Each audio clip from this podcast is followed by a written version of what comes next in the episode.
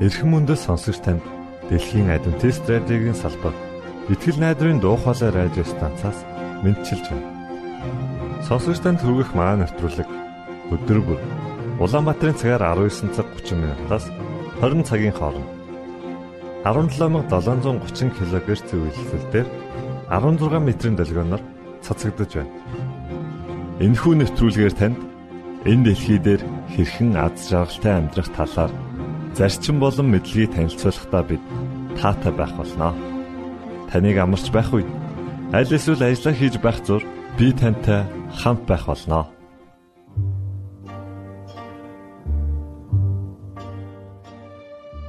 Өнөөдрийн хөтөлбөрөөр боловсрал нэвтрүүлгийн түүхэн хүмүүс цувралыг хүргэх болно. Үргэлжлүүлээд Бурхан минь намайг өршлөөч хэмээх магтан дууг танд хүргэж байна. Харин үүний дараа Есүсийн амьдрал хэмээх номыг танд аудио хэлбэрээр хүргэж байгаа лээ. Ингээ та нэвтрүүлгүүдэд хүлээн авна.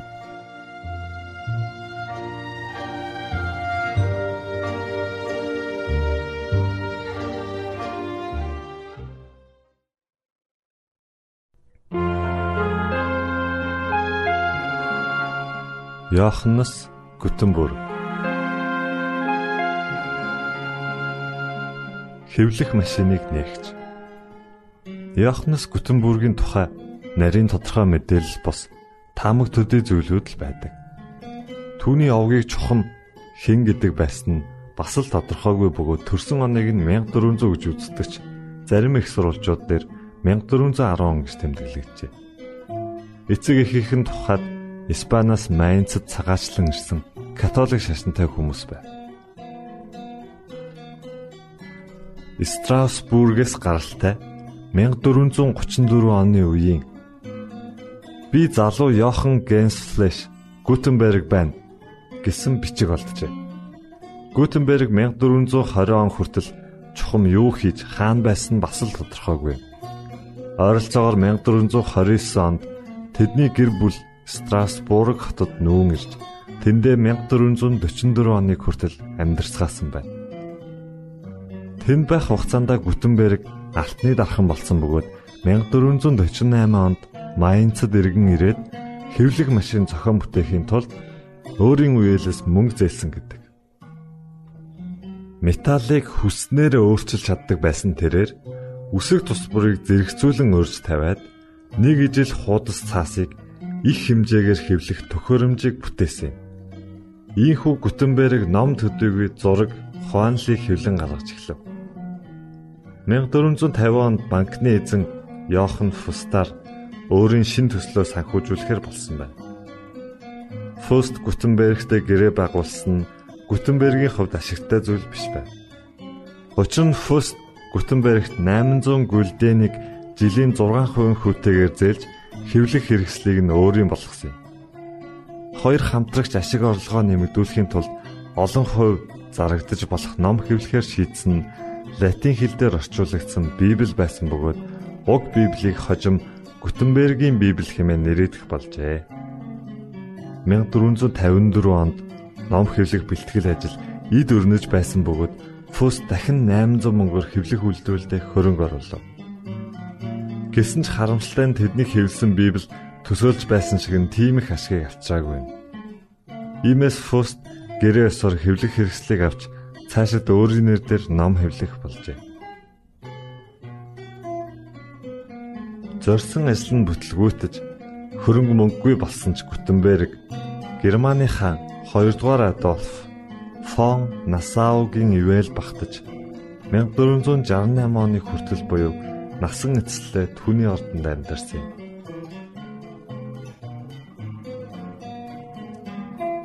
Нийтдээ 1200 хуудас бүхий уг Библийг Йоханнес Гутенберг 1455 онд Майнц хотод хэвлсэн бөгөөд хэвлэлийн ихээ 3 жилийн турш бэлдэж байжээ. Нийт 200 ширхгийг хэвлснээс 48 нь үлдсэн байна. Гутенбергийн Библи нь өнөө үед хамгийн үнэтэй номын тоонд 109-оор ордог юм.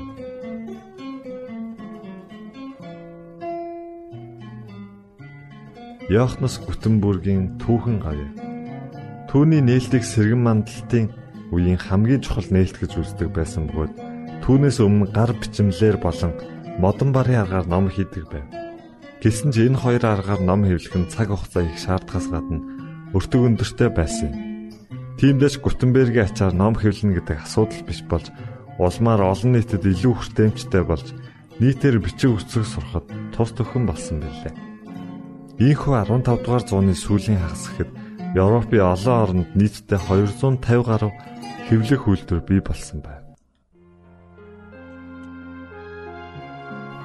Сонсогч танд боловсрал нэвтрүүлгээс бэлтгэн хүргэдэг түүхэн хүмүүс цувралын шин дугаарыг хүргэлээ. Дараагийн дугаараар уулзлаа. Түр баярлалаа.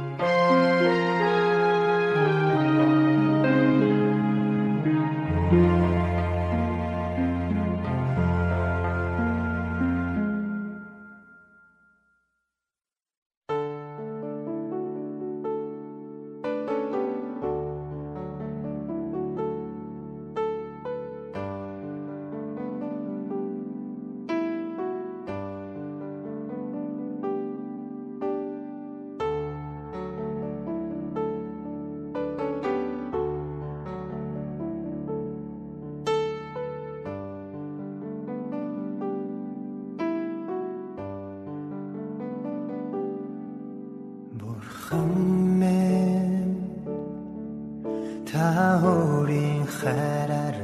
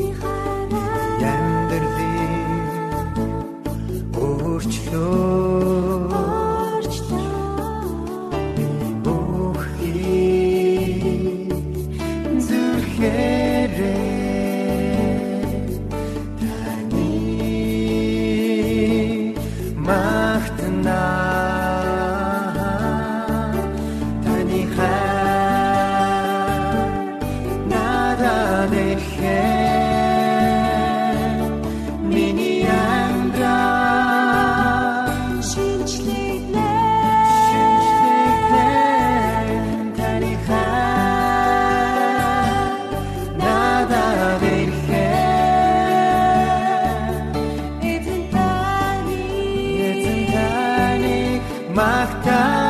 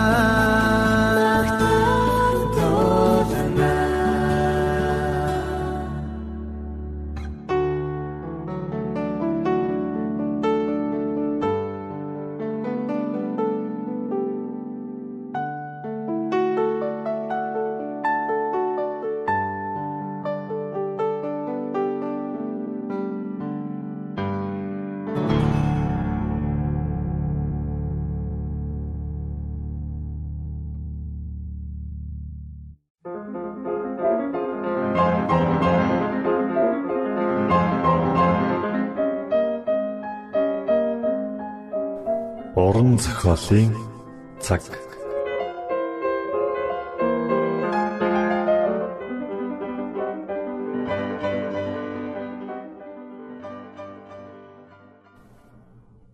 Есүс энэ дэлхийд ирсэн нь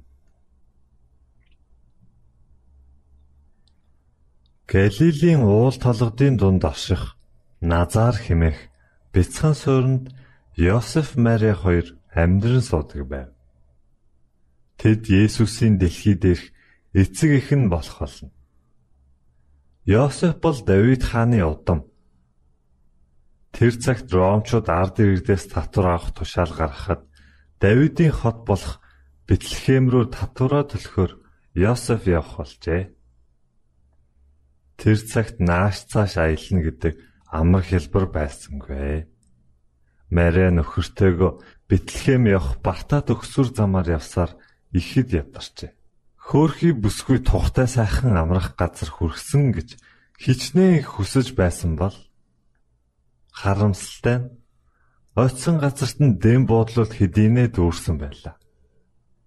Баян эрх мэдэлтэй нэгэнд тогтой сайхан газар олдож байхад хөөхий энхүү даруухан аялагчд малын сарвч нь хоноглохоос өөр аргагүй боллоо.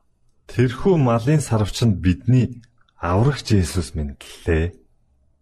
Ээж Мариан хүүгээ малын твсэнд хэвтүүлв.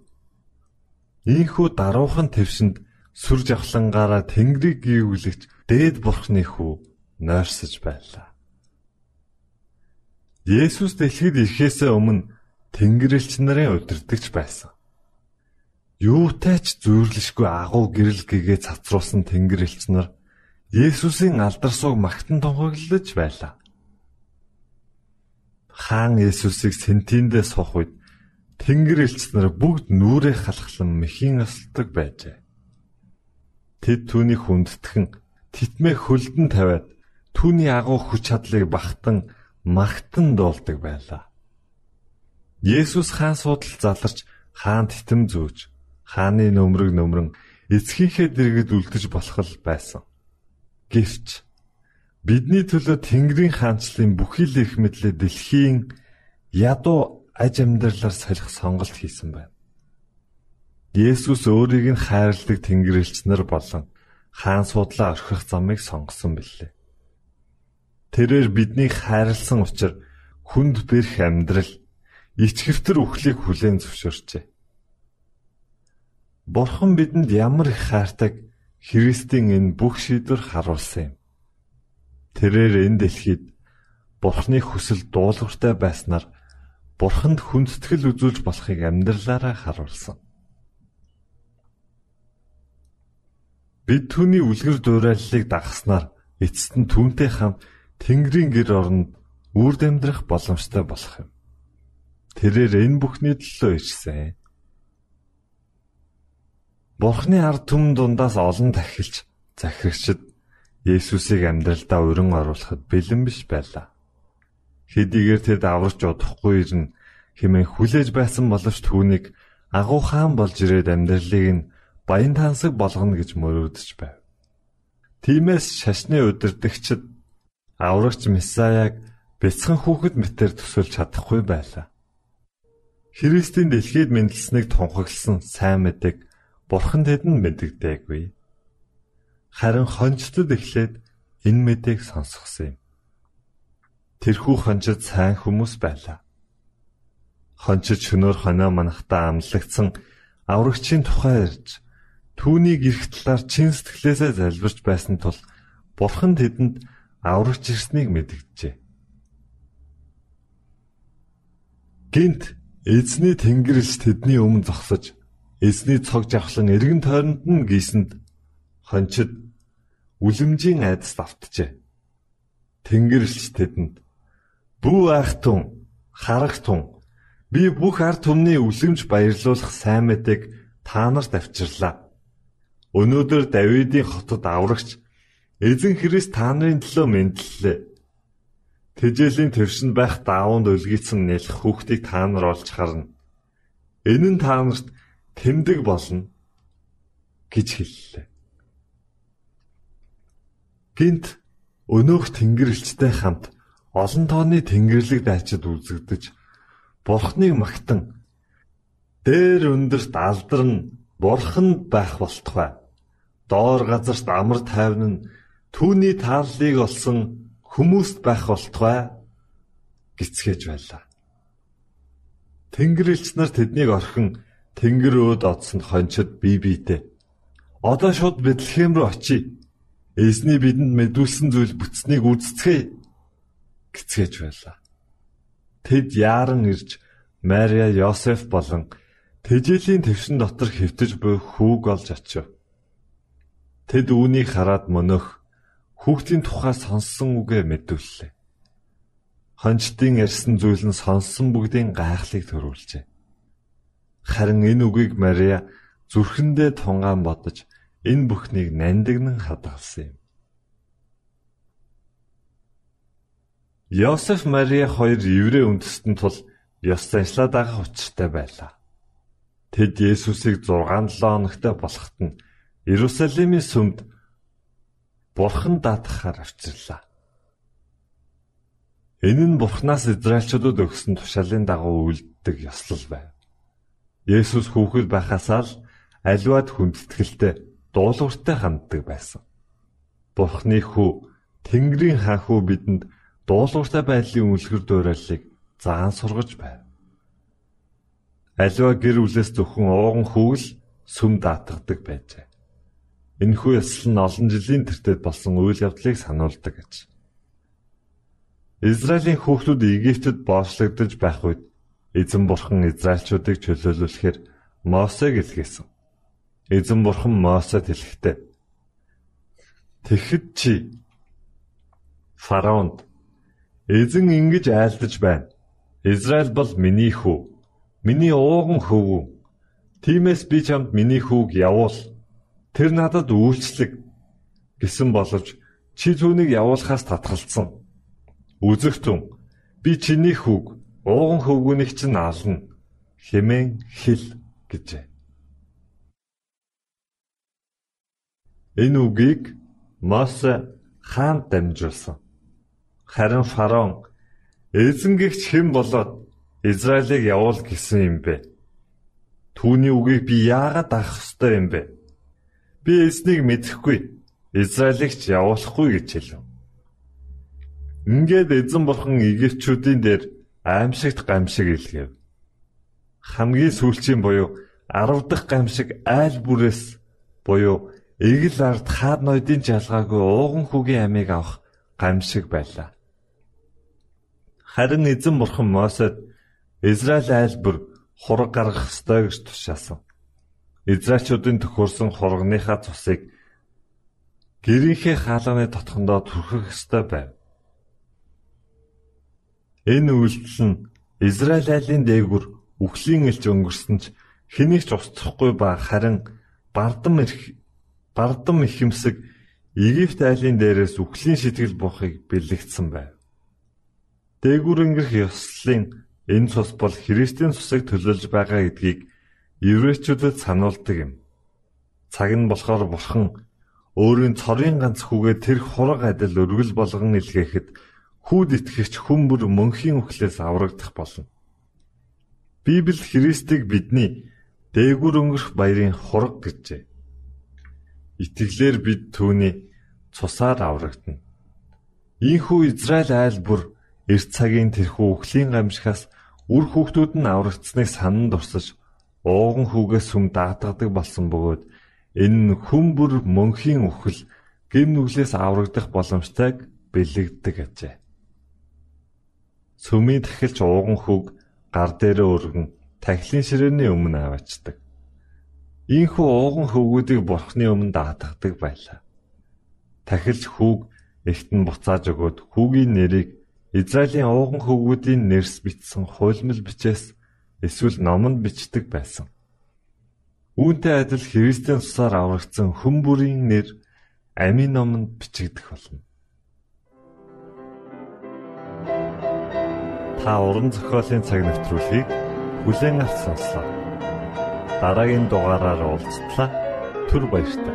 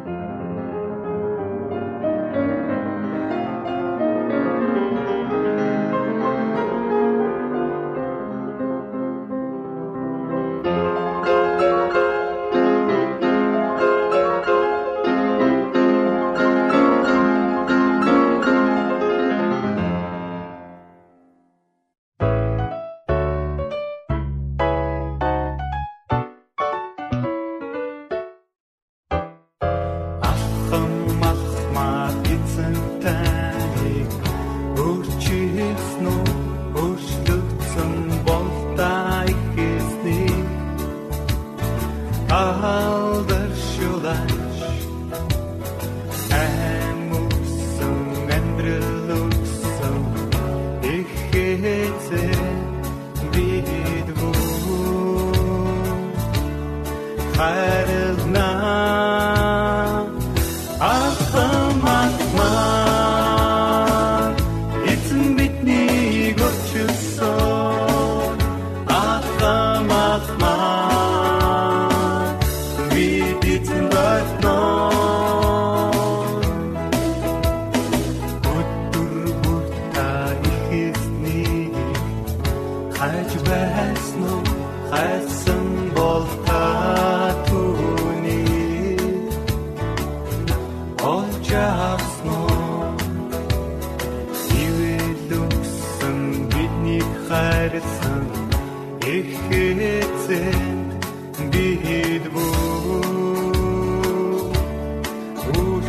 хоолой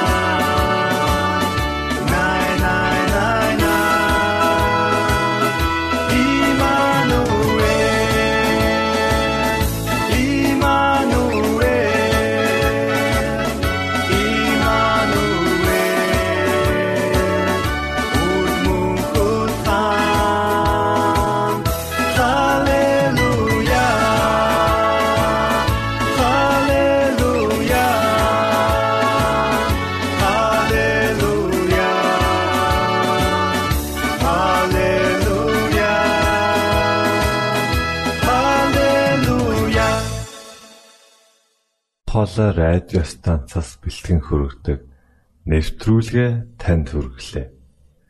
Хэрв та энэ өдрийн нэвтрүүлгийг сонсож амжаагүй аль эсвэл дахин сонсохыг хүсвэл бидэнтэй дараах хаягаар холбогдорой. Facebook хаяг: Латин үсгээр Монгол заавад AWR Имэйл хаяг: mongol@gmail.com Манай утасны дугаар 976 7018 24 9 Шуудангийн хаяг 16 Улаанбаатар 13 Монгол улс Биднийг сонгонд цаг зав аваад зориулсан танд баярлалаа. Бурхан таныг бивээх батугай